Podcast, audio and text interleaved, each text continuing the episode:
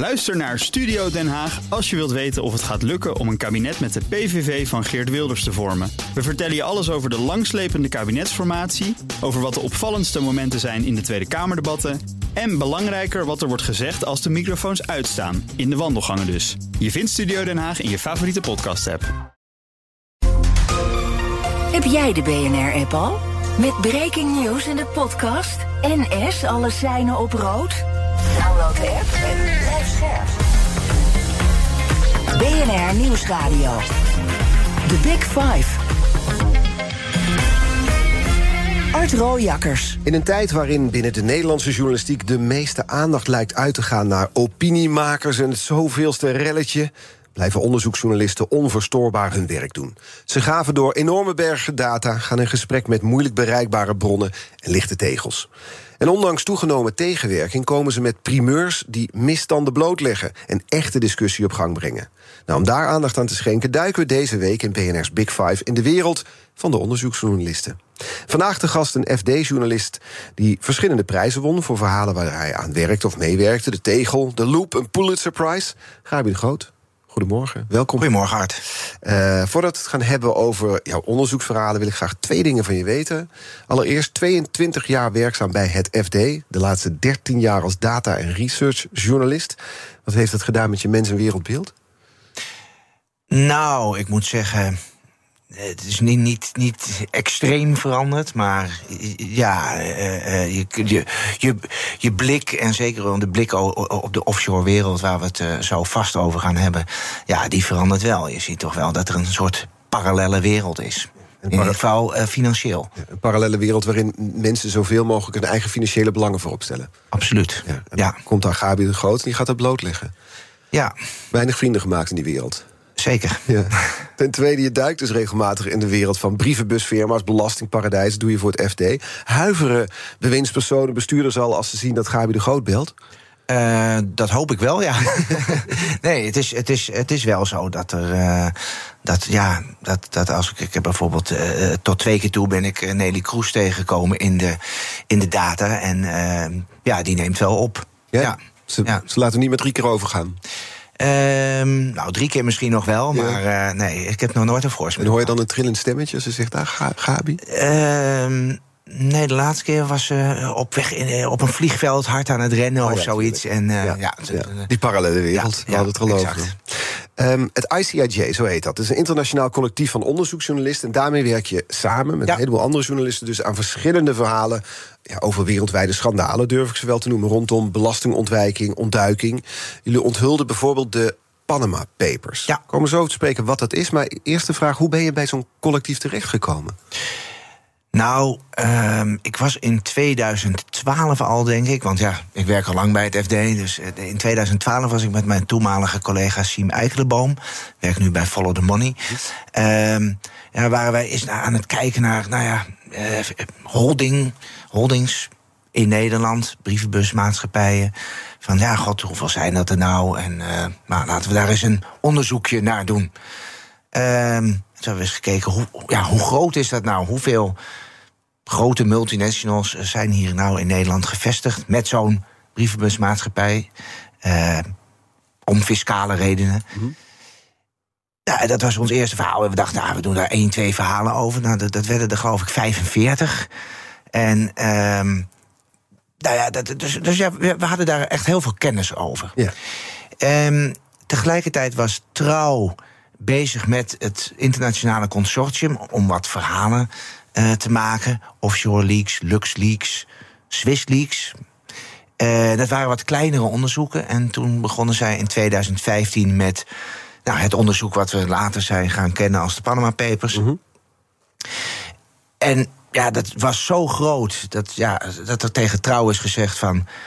Goh, uh, zoek er een Nederlandse partner bij. Want het, het, het, het werd te veel. Het, werd, het werd heel veel, ja. Dus zoek er iemand bij. Ja, en toen gingen ze zoeken en toen dachten ze... ja, Volkskrant, NRC, dat, is allemaal, dat zijn wel grote partijen. En nou ja, we weten niet hoe dat gaat werken. En toen keken ze naar het FD. En toen dachten ze van ja, daar zit eigenlijk heel weinig overlap in abonnees. Ja. En dan zitten twee mannen en die er heel veel van mannen weten. die er heel veel van weten. Dus laten we dat doen. En ja, sindsdien is het FD bij deze grote onderzoeken eh, betrokken. Ja. En dus schreef je over de Panama Papers, de Paradise Papers, kennen we ook nog, de Pandora Papers. Ja.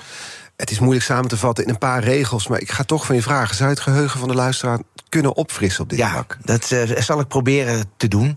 Ehm, het zijn allemaal lekken eh, van, laten we het noemen, trustkantoren. Dat zijn het meestal niet allemaal. Eh, ze worden anders genoemd, maar noem het juridisch dienstverleners. Ehm, en die zijn gevestigd nou, bijvoorbeeld in Panama eh, of op de Britse Maagdeneilanden of dat soort tropische oorden. En wat die partijen doen, is het, ja, het oprichten van brievenbusmaatschappijen, niet hier in Nederland, maar ja, in dat soort belastingparadijzen. Allemaal met als doel de belasting te ontduiken De of te belasting te ontwijken. ontwijken, maar er zit een tweede belangrijke component aan. Eh, eh, op dat soort eilanden is er eigenlijk geen Kamer van Koophandel. Die is er wel, maar wat staat daar? Alleen de naam van het bedrijf en wie is de bestuurder. En de bestuurder is zo'n juridisch dienstverlener. Dus wie de eigenaren zijn, Kom je moeilijk kom je nooit achter. Dat geldt overigens ook voor de autoriteiten. Opsporingsdiensten, ook de Amerikanen, komen daar heel erg moeilijk achter. Ehm, en de enige manier om daar echt achter te komen is zo'n datalek. Nou, wat krijg je dan? Dan krijg je zo'n ja, ongelooflijk bak data. Meer dan 10 miljoen documenten per onderzoek. Ja, en- nog, wat Pandora Papers, dacht ik, 12 Ja. miljoen documenten. Ja. Een van de grootste journalistieke datalekken ooit. Ooit, Dan ja. werken jullie met 600 journalisten uit Ja. 115 landen. Spit je dan door die documenten? Ja, ja en, en, en dat is maar goed ook, want als je dat in je eentje zou moeten doen. Dus dan was je je hele carrière En bezig. zo, is, en zo is het met de Panama Papers ook begonnen. Hoe gaat het dan? Want dan heb je dus zo'n berg data. Eh, Ja. Dan ben je dan met zo'n heel collectief journalisten. Heb je toegang, jij als een Ja. van die 600, tot die, al die documenten. Hoe ga, je dan, hoe ga je daar doorheen? Hoe ga je in die berg informatie op zoek naar, ja, naar misstanden, naar verhalen die dan voor het FD relevant zijn? Ja, het is. Nou ja, ICIJ, het consortium, eh, die heeft eh, eh, twee prachtige tools ontwikkeld. De ene is een communicatiekanaal, zodat we met elkaar internationaal kunnen communiceren. Dat is allemaal ontzettend beveiligd natuurlijk. Eh, en de andere tool is een, ja, een database waarin je kunt zoeken, in die documenten kunt zoeken. En ze hebben het zo gemaakt dat of het nou PDF's zijn, Word-bestanden, e-mails, eh, data, alles kun je doorzoeken in het ene systeem. Nou, dat werkt heel prettig. En wat eigenlijk iedereen doet, is je zoekt. Allereerst natuurlijk voor je eigen land. Wat kan het meest relevant zijn? Zo Dus wij- simpel als trefwoord Nederland? Oh, ik begin altijd met oranje. Oranje. Ja. Oh, Ja, wie want? weet. Nou, Of je iets van het eh, Koningshuis ja, of je tegenkomt. iets van het Koningshuis tegenkomt. Eh, de, de tweede is dan eh, Rutte of zo. Ja, ja, ja. Ehm, eh, nou, die, die zijn, heb ik bijna nog niet kunnen vinden. Eh, Hm. Zie je of, lichte eh, teleurstelling? of het, nee hoor, nee, nee, nee, nee, nee, nee. Eh, ehm, want ja, nee, wellicht zitten ze er ook niet. Of wellicht hebben we de verkeerde data. Codewoorden zijn er misschien wel Maar het zijn, ja, nee. En dan, en dan ga je kijken wat voor relevante je voor Nederland in dit geval kunt vinden. Ehm, maar je kijkt ook mee over de grens. Dus je kijkt ook. Zie ik misschien interessante dingen voor eh, de collega-journalisten in andere landen? Dus dan zie Die je tip je dan? Dat wil ik net zeggen. Dat geef je dan door via dat dat door. Want ja, het delen is het allerbelangrijkste in dit soort onderzoeken. Je moet heel transparant met elkaar delen. Dat is eigenlijk het- de grootste eis. Ehm, en als je deelt, dan krijg je ook tips terug.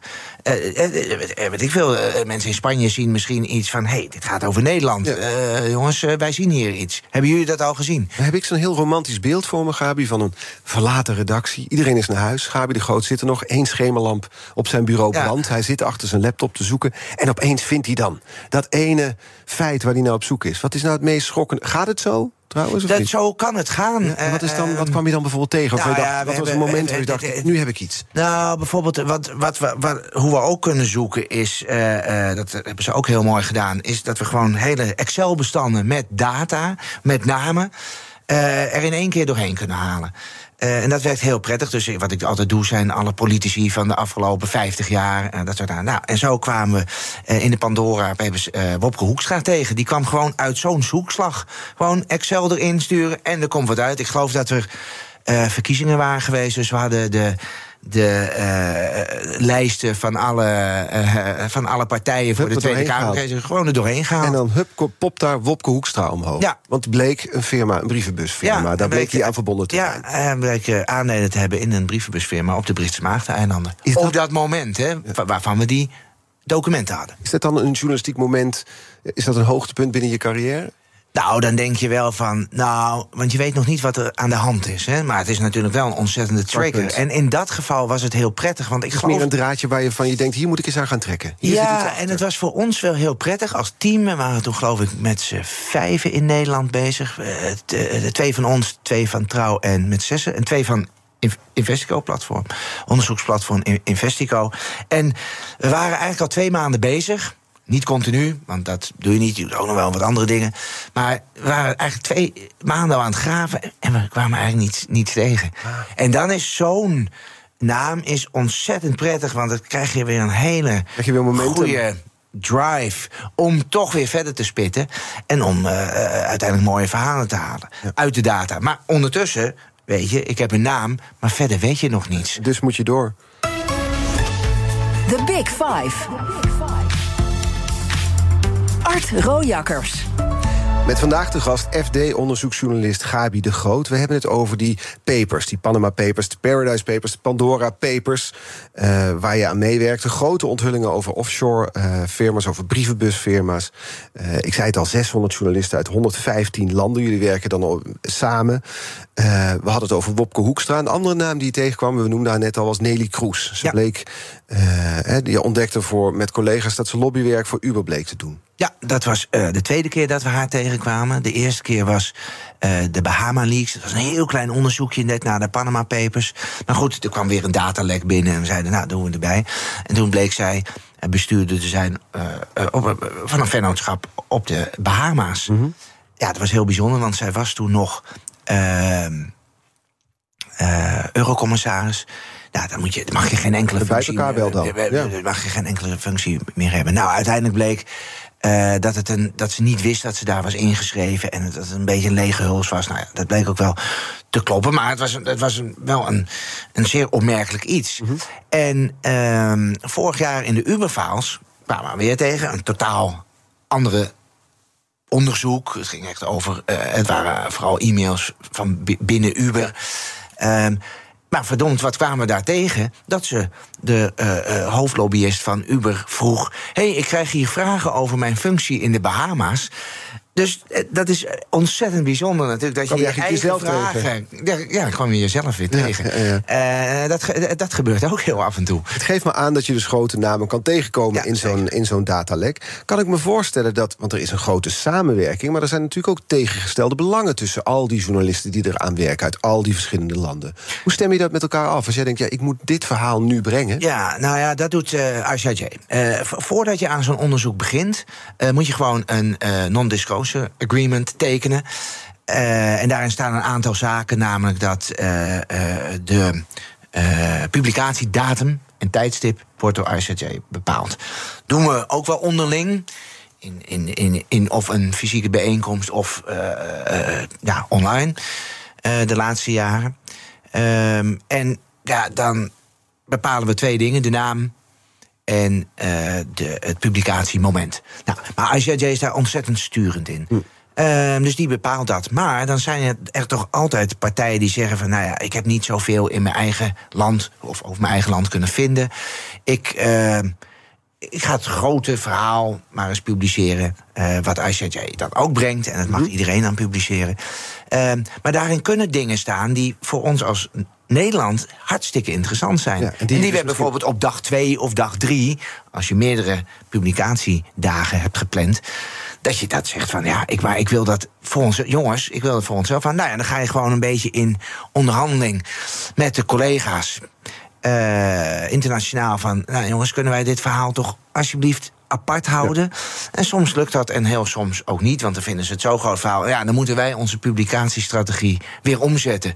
En dan moeten we dan ook maar met dat grote nieuws komen. En dan draai je het om op die manier. En dan draai je het om. Ja. Ja. Nu even een, een onderzoeksvraag aan een onderzoeksjournalist. Want er zitten natuurlijk, het zijn lekken, het zijn Ja. datalekken. Die bronnen zijn niet altijd te achterhalen waar ze vandaan komen. Ja. Hoe weet je dat het dan echt is? In dit soort onderzoeken, uh, maar ik denk dat elke onderzoeksjournalist dat ook doet, is natuurlijk die, die betrouwbaarheid. Uh, kun je, als het een anonieme bron is, toch achterhalen ja, of, of, of het wel echt is. met de Panama Papers zijn er ook wel stemmen geweest van ja, je zitten inlichtingendiensten achter. Uh, George Soros, want die was ook geldschieter van ICJ. En nou, dat zou allemaal niet kloppen. Nou, dan kijk je naar die Panama Papers, om als voorbeeld te nemen. Ja, de helft van de e-mails ging over onbetaalde rekeningen. Ja, en daarbij hadden wij wel zoiets van. Ja, uh, dit, dit, is toch wel, dit ziet er wel heel echt uit. Mm -hmm. Weet je, je gaat niet uh, iets creëren wat alleen maar ja, over onbetaalde rekeningen gaat. Ja. Dus de communicatie via e-mails, dat leek allemaal hartstikke echt. En uiteindelijk ja, ga je met mensen praten en ook mensen die erin voorkomen. En ja, dan, dan blijkt het te dan kloppen. Blijkt het ook wel te kloppen. Ja, en heel soms uh, ja, is, is, is de bron bekend bij de Uberfiles. Ja. Dat is eigenlijk de enige keer dat de bron zich bekend heeft gemaakt. Dat was de hoofdlobbyist van Uber in Europa.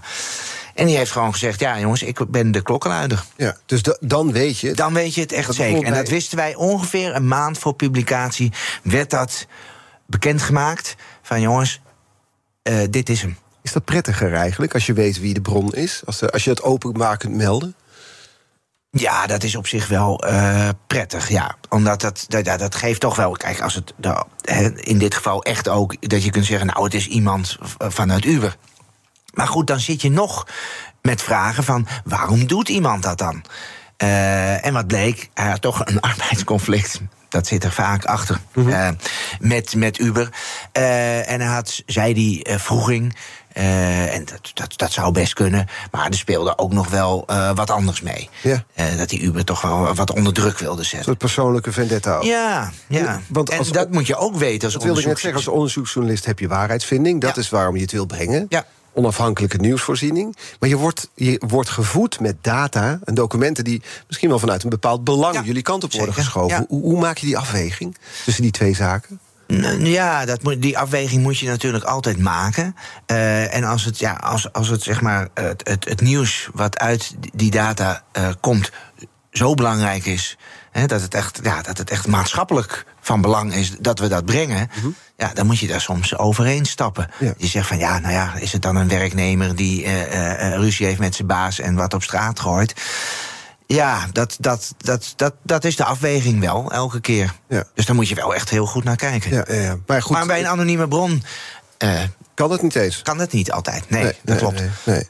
Maar maak jij ook wel eens mee dat ze bij jou dan uiteindelijk komen aankloppen, de politie of een andere instantie over jouw bronnen? Ja, in de, nou ja, met, met de Panama Papers bijvoorbeeld eh, is de, meteen de financiële politie is, eh, langs geweest. Maar ja, dat helpt niet. Wij kunnen geen documenten geven, want er hebben voor getekend. Zij mogen geen namen noemen vanuit hun functie. Dus ja, je zit tegenover elkaar. Maar je kunt niks zeggen. Zijn een aantal keer geweest bij de eh, Belastingdienst, eh, eh, bij het ministerie in Den Haag. Bij de afdeling constructiebestrijding. Constructiebestrijding. Constructiebestrijding. Ja. Ja, dat, was, eh, dat was heel leuk. Want Dat die is een heerlijke jaren tachtig term voor zoiets als waar jij ja, mee bezig het toch over financiële constructies gaat. En Ik heb ja, ook meteen een beeld van de mensen die er werken op die afdeling. ja, ja, nou ja. Ze Neem hadden- een wilden- boterhammetrommel mee. ze- nee, zeker. Ze, wilden ook, eh, ze zouden ook graag willen dat wij daar kwamen Ja, ja, werken. dat natuurlijk, met onze kennis en kunde. Maar het was heel leuk om, om, om toch wat eh, ja, kennis te delen. Ja, ja. Ja, en dat is, wel, dat is wel heel leuk. Dus nee, er is, men is zeker ge- geïnteresseerd. Ja. Absoluut. De kettingvraag sluit aan op dit onderwerp over anonieme bronnen. Want afgelopen week was eh, een week over eerlijke democratie... bij mijn collega Diane Matroos. En ze had eh, vrijdag de gast Reinier van Zutphen... onze nationale ombudsman. Had deze vraag voor jou. Als het gaat over dat, dat wantrouwen, dan zie ik de laatste tijd wel heel veel stukken overal verschijnen over belangrijke onderwerpen. Maar waarbij degene die het aandraagt anoniem blijft. En waarbij, dus de, de anonieme bronnen. En waarbij er wel vergaande conclusies worden getrokken over eh, degene of degenen of de organisatie die, die eh, eh, wordt onderzocht in de journalistiek. Eh, en, en dan is het, nou ja, hoe kijkt je er tegenaan als je onderzoeksjournalist bent met de kwalificaties die je geeft aan degene die onderzocht is en de effecten erop in de samenleving, als de bronnen anoniem zijn? Ja, we hebben het hier denk ik ook over, eh, niet alleen over bronnen, maar ook over klokkenluiders. Ehm, er is in Nederland ook een klokkenluidersregeling. Hij is door de overheid opgezet. Dus het is, het is, eh, men probeert ook wel dat, dat mensen anoniem iets kunnen melden. Als het natuurlijk van maatschappelijk groot belang is. Ehm, ja, kijk bijvoorbeeld ook naar eh, eh, de, het nieuws van de, de Wereld Draait Door. Dat is volgens mij ook gebaseerd op gesprekken met 30 oud en medewerkers. medewerkers. Ja. en daar staat er geen één van wil met zijn naam in de krant komen. Ja, die ene mevrouw van de, van de visagie volgens mij. Ja, nou ja, en, maar de, de rest niet. Ja, moet je het dan niet brengen? Dat is natuurlijk altijd, daar moet je, ook, dat is ook weer een afweging. Hè. We hadden het net over die afweging van, ja, eh, eh, eh, wie is de bron? Heeft hij misschien bepaalde, een bepaalde achtergrond waarom hij wil lekken? Eh, daar moet je naar kijken. Eh, maar ja, anonieme bronnen. Wij, ja, wij bijvoorbeeld wij, bij het FD, hè. Wij eh, ja, hebben heel vaak bij artikelen staan. ehm, zegt, zegt een anonieme bron. Of zegt eh, iemand met kennis van zaken Ja. rondom. Hè, dat gaat dan vaak over bedrijfsnieuws, overnames of zo. Nou, dat kunnen bijvoorbeeld bankiers zijn. Nou, die willen echt niet met hun naam in de, in, in de krant komen. Mhm. Maar die willen wel. eh, ons eh, ja, wat helpen daarmee. Van informatie dus wij, dus wij zijn daar, je ziet dat ook heel vaak bij berichten van Reuters of Bloomberg. Eh, dat toch, Sources say. Ja, sources say. En dus dat, het, gebeurt best wel vaak. Ja, en wat de- Renier van Zutphen daarvan vindt, proef ik in zijn vraag, Ja. is ja, er worden tegelijkertijd worden er dan vergaande eh, nou ja, eh, consequenties zijn er, of kwalificaties gegeven, er zijn effecten op de samenleving, maar de bronnen zijn anoniem. Ik, ik proef daar een beetje in, is dat wel met elkaar in balans?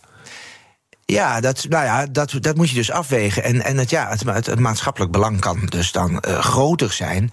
Eh, dan dat je zegt van, eh, eh, nou, eh, de bron moet bekend zijn.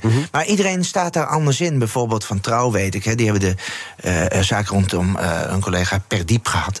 En ja, die had een heleboel dingen opgeschreven met anonieme bronnen. Die, die, Die bleken niet te die bestaan. bleken niet te bestaan. Nee. Nou, die kijken daar toch weer anders aan. Dus wij hebben in de samenwerking met Trouw daar ook best wel heel veel gesprekken over gehad. Omdat zij er wat strikter in Zij, zijn zij, ja, ja, omdat zij zeiden, ja, wij willen eigenlijk nooit een anonieme bron. Dat is ook bijna niet te doen. Dat is ook bijna niet te doen. Dus je moet daar, ja, je, dat, is, dat is toch wel schipperen. Ja. Klopt. Maar het is een persoonlijke afweging, het is een, afwe- een hoofdredactionele afweging per Hoofdredactie- medium tuurlijk, eigenlijk. Tuurlijk, tuurlijk. Ja. Want hier praat je ook altijd binnen je medium altijd over. Eh, we hebben daar ook richtlijnen voor, richtlijnen anonieme bronnen. eh, hebben we binnen de krant. Eh, dus dat, nee, daar wordt zeker over gesproken. Absoluut. Juridische procedures, daar gaan wij het zo over hebben. Zwart gekalkte documenten. Daar worden onderzoeksjournalisten mee, regelmatig mee tegengewerkt. Ik ga zo vragen aan FD-journalist Gabi de Groot hoe die daarmee omgaat. In BNR's Big Five van de onderzoeksjournalisten. Tot zo, blijf luisteren. Ook Liesbeth Staats vind je in de BNR-app. Ja, heel handig. Luister live naar Kees en mij tijdens de Daily Move. Dan blijf je ook gelijk op de hoogte van breaking news en het laatste zakelijke nieuws. En daar vind je ook alle BNR-podcasts, waaronder de Perestrooikast. Download nu de gratis BNR-app en blijf scherp. Blijf scherp. BNR Nieuwsradio. The Big Five. Art Rooijakkers. Welkom bij tweede half uur. Deze week spreek ik met vijf onderzoeksjournalisten over hun werk. Morgen is dat RTL-journalist Daniel Verlaan over zijn onderzoek naar kinderpornonetwerken. Vandaag de gast FD-journalist Gabi de Groot. In het komend half uur wil ik graag nog twee onderwerpen sowieso met je bespreken, Gabi. Namelijk wat je wil bereiken met je verhalen. En hoe je als journalist omgaat met tegenwerking. Want daar heb je ook mee te maken. Laten we met het laatste beginnen. Ja. Eh, als je on- een onderzoek doet naar de wereld van het grote geld, van machtige mensen, grote bedrijven, krijg je te maken, is mijn beeld dan denk ik, met tegenwerking. Ja, zeker. zeker. Eh, ook eh, juridische tegenwerking. Ja, dat gebeurt toch wel vaak. Misschien steeds vaker. Het is een beetje moeilijk te, te peilen, want soms, ja, soms heb je het wel, soms heb je het niet. Eh, en soms is het ook ja, standaard. Weet je, als je, als je in, in, in een van de internationale onderzoeken wilden we over Abramovic schrijven. Ja, dus die, die, eh, die Russische De oligarch. Russische oligarch. Chelsea, mij, ja, was eigenaar van Chelsea. En nou, we kwamen hem tegen als, als klant van ING. En eh, allemaal hele bijzondere transacties. En dat, ja, dat, moet als je hem noemt, moet je daar vragen over stellen. Dus, maar hij is zelf natuurlijk helemaal niet eh, bereikbaar. Maar ja, zijn woordvoerders wel in Londen. En ja, een woordvoerder schrijf je een uh, brief met vragen, maar dan krijg je meteen twintig uh, pagina's van een Londens advocatenkantoor terug. Oh ja? Ja, nou, in, met, dank u voor uw vraag. We gaan ja, er uitgebreid op bestuderen. Uh, nee, het is, het is meteen allerlei aannames... terwijl we nog helemaal niets hebben gepubliceerd. We nee. zitten nog in de wederhoorfase. Maar meteen wordt alle... alle de, de, maar dat is een beetje anglo-saxisch. Uh, onze, onze collega's. Uh, dat schrik je wel van, kan voorstellen. Ja, want het zijn, ja, dat, zijn, dat zijn pittige advocatenkantoren. En, dat, en die brieven worden dan ook altijd op zeer hoge poten geschreven. Um, maar je ziet het in Nederland toch ook wel uh, uh, voorkomen. Alle, alle media hoor, hebben daar mee te maken. Ja, je, en wij ook. Ja, want de FD ja. kreeg onlangs nog een dagvaarding namens BNS-oprichter Willem Blijdorp op de mat. Hij voelde zich aangetast in zijn goede naam en eer... na twee artikelen over het schenden van Iran-sancties. Hij eist een vergoeding ook. Hoe, ja. hoe, vaak vallen dat soort dagvaardingen bij jullie? Nou, het is, het is, een tijdje rustig geweest, oh, moet ik zeggen. Okay. Uh, uh, maar de afgelopen tijd wel weer steeds meer. Dat zijn ja, van twee collega's van mij.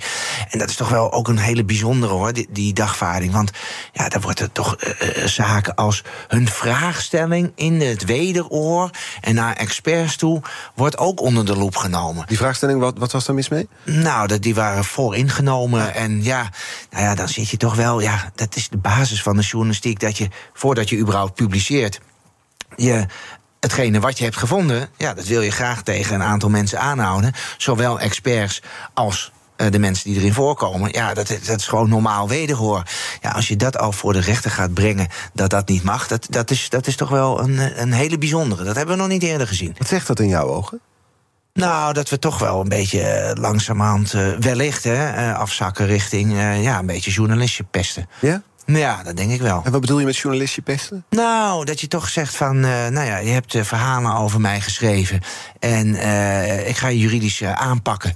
Ja, ook als dat helemaal niet zo ja, is, maar dat toch doet. Omdat ja, het kost ontzettend veel tijd, zo'n juridische procedure. Je bent er echt heel erg lang mee bezig. Kost natuurlijk geld. Uh, dus ja, zo zou je het wel kunnen omschrijven. Ja. We hebben ooit de verhalen toen van Erik Smit gezien, van Follow ja. the Money, op wie werd beslag gelegd zelfs op zijn bezittingen. Ja. Namens Nina Brink gebeurde dat. En er zijn verhalen over haar. Dat heb jij nog niet meegemaakt, toch? Uh, nee, het is meestal. Uh, het is, als, als er procedures zijn. En ik heb twee keer een kort geding meegemaakt. Eén, een paar jaar geleden. Uh, naar aanleiding van de Luanda Leaks. Uh, toen was een trustkantoor het niet helemaal eens met wat ik had geschreven. En nou, die heb ik gewonnen. En vorig jaar hebben we een, uh, een, een, een, een kort geding verloren. Ja, er was voor over verhalen over ING-dochter Pvision. Ja. Kun je uitleggen waar die verhalen over gingen? Ja, dat is een, een, een fintech-dochter. Die heeft de ING uh, gekocht. Uh, voor 360 miljoen. Het bedrijf bestaat inmiddels niet meer. Ze hebben het hele bedrag moeten afschrijven. En daar hebben we een aantal verhalen over gemaakt. Uh, dat uh, de oprichters en het bedrijf zelf verdacht werden van ehm, het overtreden van de WWFT. Ja. Ik merk je nu omzichtig formuleren. Heeft dat te maken met die Uiteraard. juridische procedure? Ja, ja, ja, natuurlijk. Moet je, je moet nu op je woorden letten. Ja, ja. En, een, en een tweede artikel ging over uh, uh, uh, prijsopdrijving, mogelijke prijsopdrijving. En nou ja, dat, dat hebben we verloren, dat ja. wordt geding. Mede omdat we ook ja, onze documenten waarop wij ons hebben gebaseerd, hebben we niet ingebracht in de rechtszaak. Om de bronnen te beschermen. Dat is interessant, want dus aan de ja. ene kant baseer je een verhaal, een artikel op bronnen die uh, anoniem zijn of niet, ja. maar die, die je in ieder geval wil beschermen. Ja. Waardoor het juridisch niet houdbaar is. Ja, dit was dus ook een zeer leerzame, uh, uh, een zeer leerzame procedure. Want ben je ervan overtuigd dat als je die bronnen wel had kunnen inbrengen, dat je niet had verloren? dat is niet te zeggen, maar ik denk dat de kans wel heel erg groot was geweest. Ja. Ja. Nou ja, goed, daarnaast nog een ander ding, maar dat staat buiten de onderzoeksjournalistiek. Is dat we hebben geleerd dat de podcast ook een uitgave is van het FD. En ook wordt gezien als ja, net zo net zo'n journalistieke publicatie als uh, een krantenartikel -hmm. of een uh, artikel op de website. Uh, ja, dat hebben we ook geleerd. Dus daarin moet je ook op je woorden passen. Daar moet je, je dus ook op je woorden passen. Ja. En wat, wat, ja, wat je vaak doet, is nou, op, op het artikel ben je ontzettend bezig. Onze juristen kijken ook mee. Hè. Mm -hmm. Daar zit je ook al met juridische. Vanaf de Panama Papers doen we dat al. Dat gewoon de advocaat meeleest voordat je publiceert. Gewoon om dat hebben we hier, hierbij ook uh, gedaan. Maar ja, dan zit je in de podcast, uh, of hier bij BNR op de radio, weet je. Dan vertel je over je. En dan ben je, ben je toch net iets vrijer. Ja, daar kun je dus ook mee Verkeerde woordkeuze en dan kun je daarmee geconfronteerd, worden. worden. Dus ja, dat was, dus het, het, was een, het is een heel leerzaam proces geweest. Wat leert zo'n kort geding waar je in verliest? Want van je verliezen leer je soms meer dan van de winst. Nou, ja, wat leert je dat? Nou ja, wat ik zeg, dat heeft zeker met die, met die bronnen te maken. Dat als je zegt, oké, ik heb hier een bron... Ja, die, die, die, die, wil pertinent anoniem blijven, mm -hmm. om moverende redenen. En ja, je hebt nog wat bronnen waarvan je zegt: ja, dit, dit, dit, dit kunnen we gewoon niet. Ja, oké. dan kun je daar in je artikel prima rekening mee houden. Uh, maar ja, als dat dus betekent dat je die, documenten waar je op baseert niet kunt inbrengen mhm. in, in de rechtszaak. Ja, misschien is dat voor een volgende keer is dat toch wel heel erg goed om over na te denken. Ja, want de volgende, uh, degene over wie je schrijft, weet dit ook. Precies precies. En dan, en dan zit je toch wel van. Uh, hmm, nou, dan zou bijvoorbeeld de beslissing kunnen zijn dat je zegt.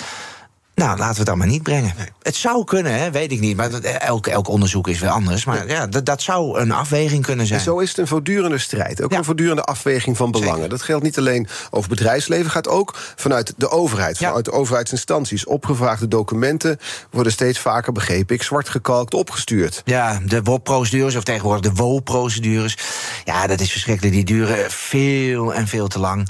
Um, alleen maar uh, uh, uh, periodeoverschrijvingen, termijnoverschrijdingen. Um, inmiddels betaalt de overheid daar ook gewoon geld voor. Ja, die betalen de, de Volkskrant hebben op tienduizenden ja, euro's gegeven. wij inmiddels ook. Het, is, het begint een beetje gek genoeg een verdienmodel te worden. En oh, de overheid vindt dat blijkbaar prima. Ja, want zij dus- moeten dus eigenlijk, als ze niet aan termijnen voldoen krijgen, ze moeten ze gaan betalen. Hè, dus een soort schadevergoeding zou ik maar zeggen, een soort boete. En de overheid neemt dat op zich. Het loopt op dat bedrag en maakt niet zoveel uit. Wij, hebben inmiddels ook op bepaalde procedures 10.000 euro's binnen. wel leuke bedrijfsfeestjes daardoor dan? Nou ja, die moet je natuurlijk aanwenden voor onderzoeksjournalistiek. Oké, oké, ja.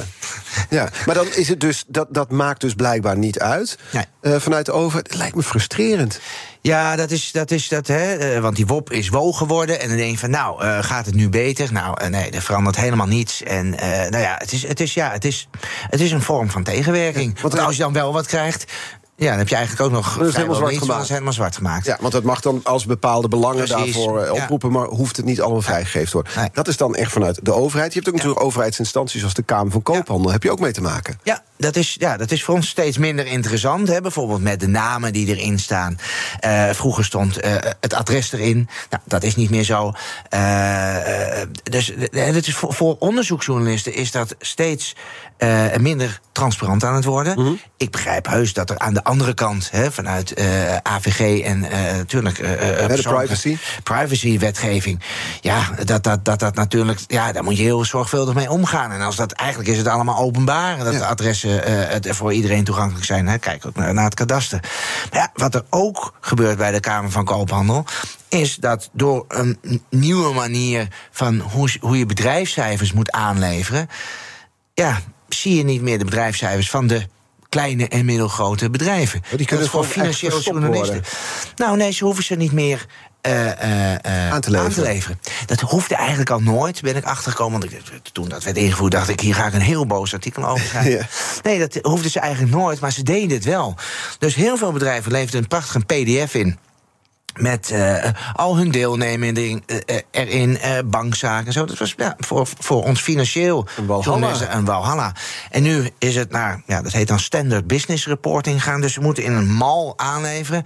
Ja, en er wordt helemaal niet meer gevraagd voor kleine en middelgrote bedrijven. Wat zijn je deelnemingen? Wie zijn dat? Percentages. Dus ja, je, hebt, je, raakt het zicht een beetje kwijt. En als je dat allemaal bij elkaar optelt, Gabi... je bent al lang actief als onderzoeksjournalist... is het beeld dan zo dat het werk steeds lastiger wordt? Tegenwerking vanuit de overheid, tegenwerking juridisch gezien van het bedrijfsleven dat toeneemt, tegenwerking met zwartgekalkte documenten of uh, uh, bedrijfsresultaten die moeilijker opvraagbaar zijn bij Kamer van Koophandel. Ene kant van het verhaal. Andere kant van het verhaal, die enorme bakken met data waar je nu met ja, hele grote collectieven doorheen kan gaan. Dus als je de balans opmaakt, nu vergeleken met bijvoorbeeld tien jaar geleden, is het werk makkelijker geworden of juist niet? Wat makkelijker is geworden, is dat het natuurlijk heel veel online is. En dat, dat, dat werkt geweldig. Ja, maar die tegenwerking. Maar die tegenwerking, ja, is ook. Dus ja, het is, het is een beetje. Ja, het is op een ander vlak, zeg maar, is het wat moeilijker geworden. Ja, en, absoluut. En dat andere vlak zit hem in het feit dat de tegenpartij, zou ik maar even zeggen, de onderwerpen waar je over schrijft, actiever zijn geworden, assertiever zijn geworden. Ja, ik kan ook nog een hele verhandeling over woordvoerders gaan houden. Maar kom maar op, heel graag. Nee, maar dat is ook, dat is, eh, daar, ik, ik heb daar persoonlijk niet zo heel veel last van, maar collega's van mij die hebben dat. Dat is ellenlange, nou ja, soms e- echt, echt conflicten met woordvoerders. Ja, en dat zijn dan die mensen om een minister of om een bedrijf. Ja, ja, ja, maar ook bijvoorbeeld de toezichthouders als, als, als DNB en AFM. Ja, dan ga, ga je daar eindelijk naartoe. Leger aan woordvoerders en voorlichters. Heel, heel prachtige e-mails terug met, met, met antwoorden waar je ja, als journalist. Niets mee kan. Als jurist waarschijnlijk heel veel, maar als journalist helemaal niet. Nee, en de verhouding is volgens mij inmiddels, ik dacht zes staat tot één. Voor elke journalist heb je er, of misschien wel meer, heb je zes voorlichters, woordvoerders, communicatiepersonen in het land. Ja, en dat is, dat is ontzettend, uh, ontzettend frustrerend af en toe. We woordvoeren ons het af, de afgrond in. Ja, bijna wel.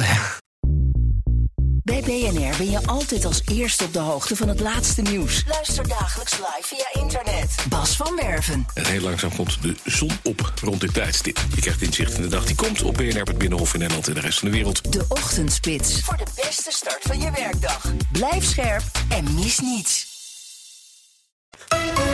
BNR Nieuwsradio. The Big Five.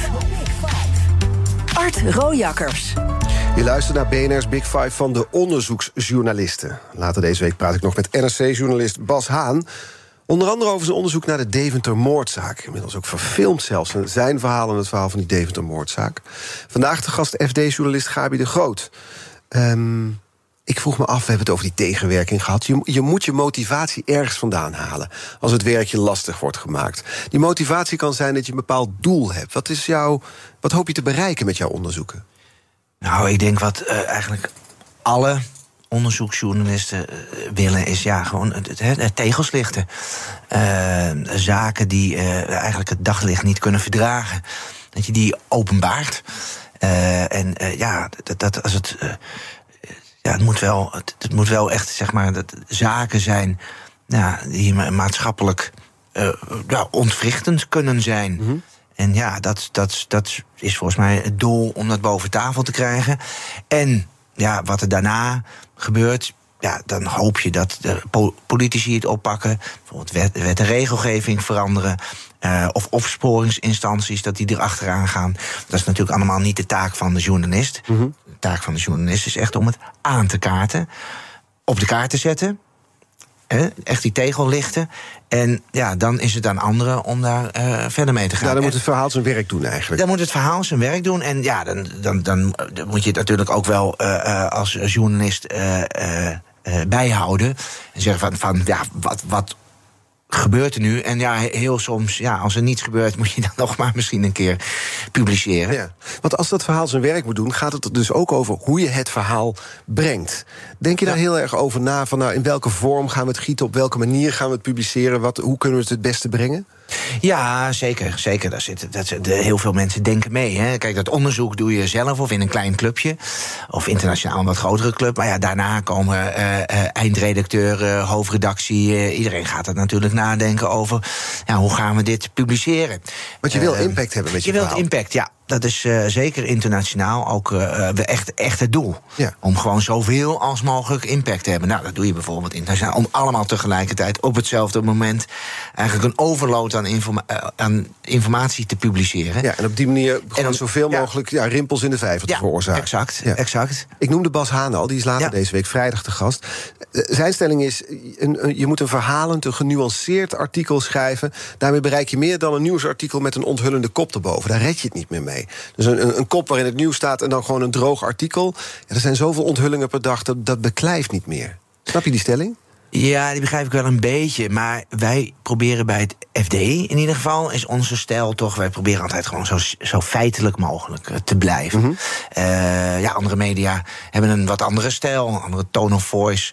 Uh, dus die zullen daar wellicht iets anders tegen aankijken. Tuurlijk, wij proberen ook een pakkende kop te, te maken. Maar ja, het verhaal zelf is, ja, is toch wel altijd wel erg feitelijk. Ja. En, Eh, Met als gevolg dat eh, jouw verhalen, ze worden bekroond. Bijvoorbeeld het verhaal van de tegel over grondspeculatie Ja. schreef je toen. Ben je trots op, mag Ja, ik me, eh, kan ik me voorstellen. Tegelijkertijd komt dan later RTL met eenzelfde verhaal. Eigenlijk hetzelfde verhaal. Dat heeft dan veel meer impact, lijkt het. Ja, dat is, dat, is, dat is wel bijzonder. We hebben dat een aantal jaren geleden gemaakt, in 2019. Ja, het was echt een verhaal. Ik ben eigenlijk het verhaal waar ik het meest trots op ben. Want natuurlijk eh, ook prijzen gewonnen voor eh, de Panama Papers. eh, maar Paradise Papers. Maar dat, dat zijn toch, ja, dat wordt aangedragen. Het zijn, dat is, hè, je krijgt een datalek. eh, nou, heel veel andere verhalen zijn natuurlijk met tipgevers. hè, z- zonder tips geen verhalen. Maar dit verhaal over die grondspeculatie, dat hebben we echt helemaal zelf bedacht. Heb ik met mijn collega Erik van Rijn. We stonden gewoon achter een scherm te kijken naar de kadastrale kaart. En we dachten, wat gebeurt daar? Een heel weiland opgeknipt in allemaal hele kleine stukjes. En hè, die worden dan verkocht. En wat gebeurt hier? Nou, Wat bleek er te gebeuren? nou ja, eh, dat die stukjes werden verkocht eh, onder het mom van... hier komt waarschijnlijk eh, woningbouw. En dan heb je een gigantische stijging van de waarde van die grond. In plaats van de agrarische prijs, de woningbouwprijs... Nou, dat gaat van 6 euro naar 300 euro.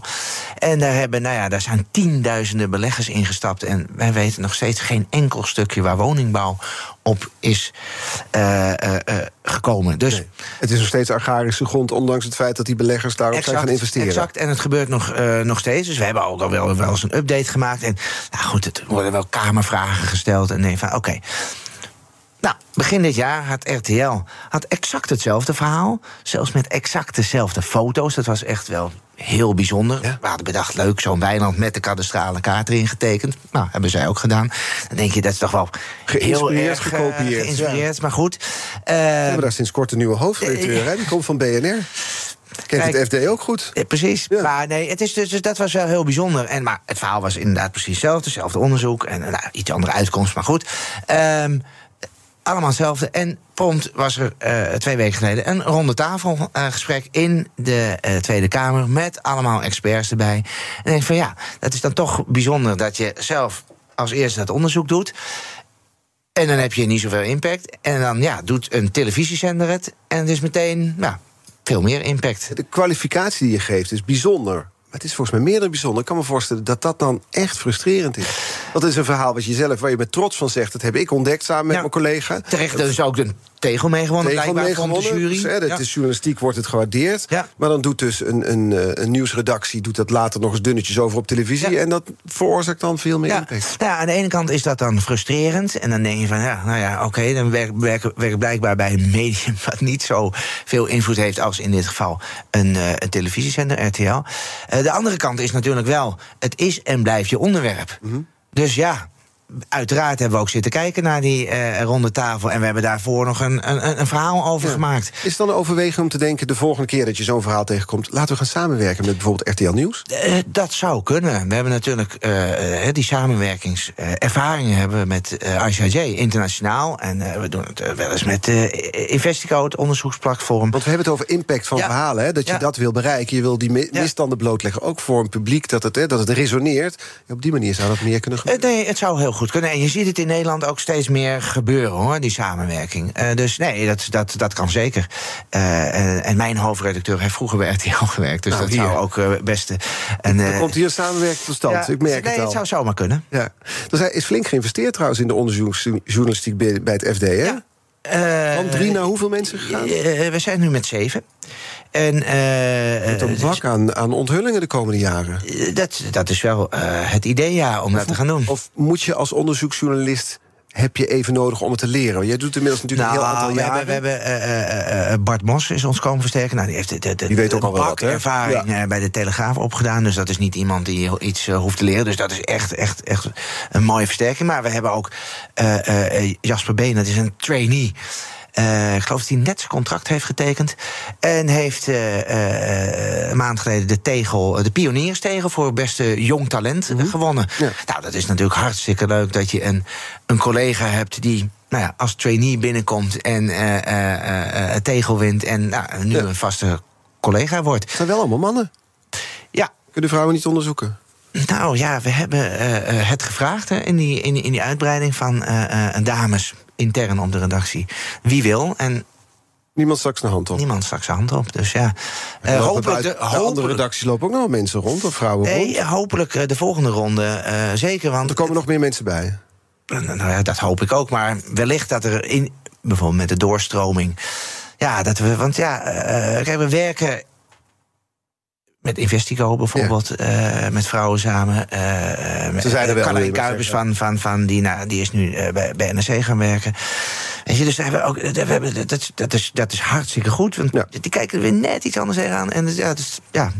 Dus wat mij betreft, graag. Zijn ze welkom. Morgen is hier te gast RTL-journalist Daniel Verlaan. Je mag hem de kettingvraag stellen. Oh ja. Eh, ga ik hem dan morgen voorleggen. Wat zou je willen weten?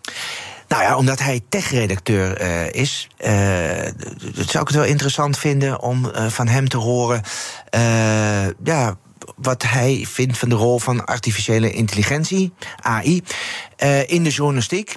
Nu, maar ook voor de toekomst. En dan, ja, natuurlijk vooral, wat kan het voor invloed zijn op de onderzoeksjournalistiek? Ik ga het hem morgen voorleggen. Daniel Verlaan, RTL-journalist.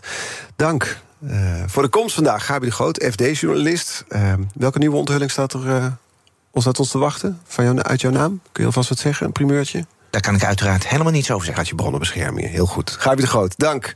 Eh, de afleveringen van Big Five zijn terug te luisteren. Allemaal. Hè? Je kunt je abonneren op onze podcast. Dus ook die van vorige week. Bijvoorbeeld het gesprek met Femke Halsema, wat Diana Matroos had. Abonneer op onze podcast via onze app of je favoriete podcastkanaal. Hoef je geen aflevering te missen. Dan wil je ook niet van BNR Breek. Dus blijf luisteren naar Ivan Verrips. Tot morgen. Bij BNR ben je altijd als eerste op de hoogte van het laatste nieuws. Luister dagelijks live via internet. Bas van Werven. En heel langzaam komt de zon op rond dit tijdstip. Je krijgt inzicht in de dag die komt op BNR, het Binnenhof in Nederland en de rest van de wereld. De Ochtendspits. Voor de beste start van je werkdag. Blijf scherp en mis niets.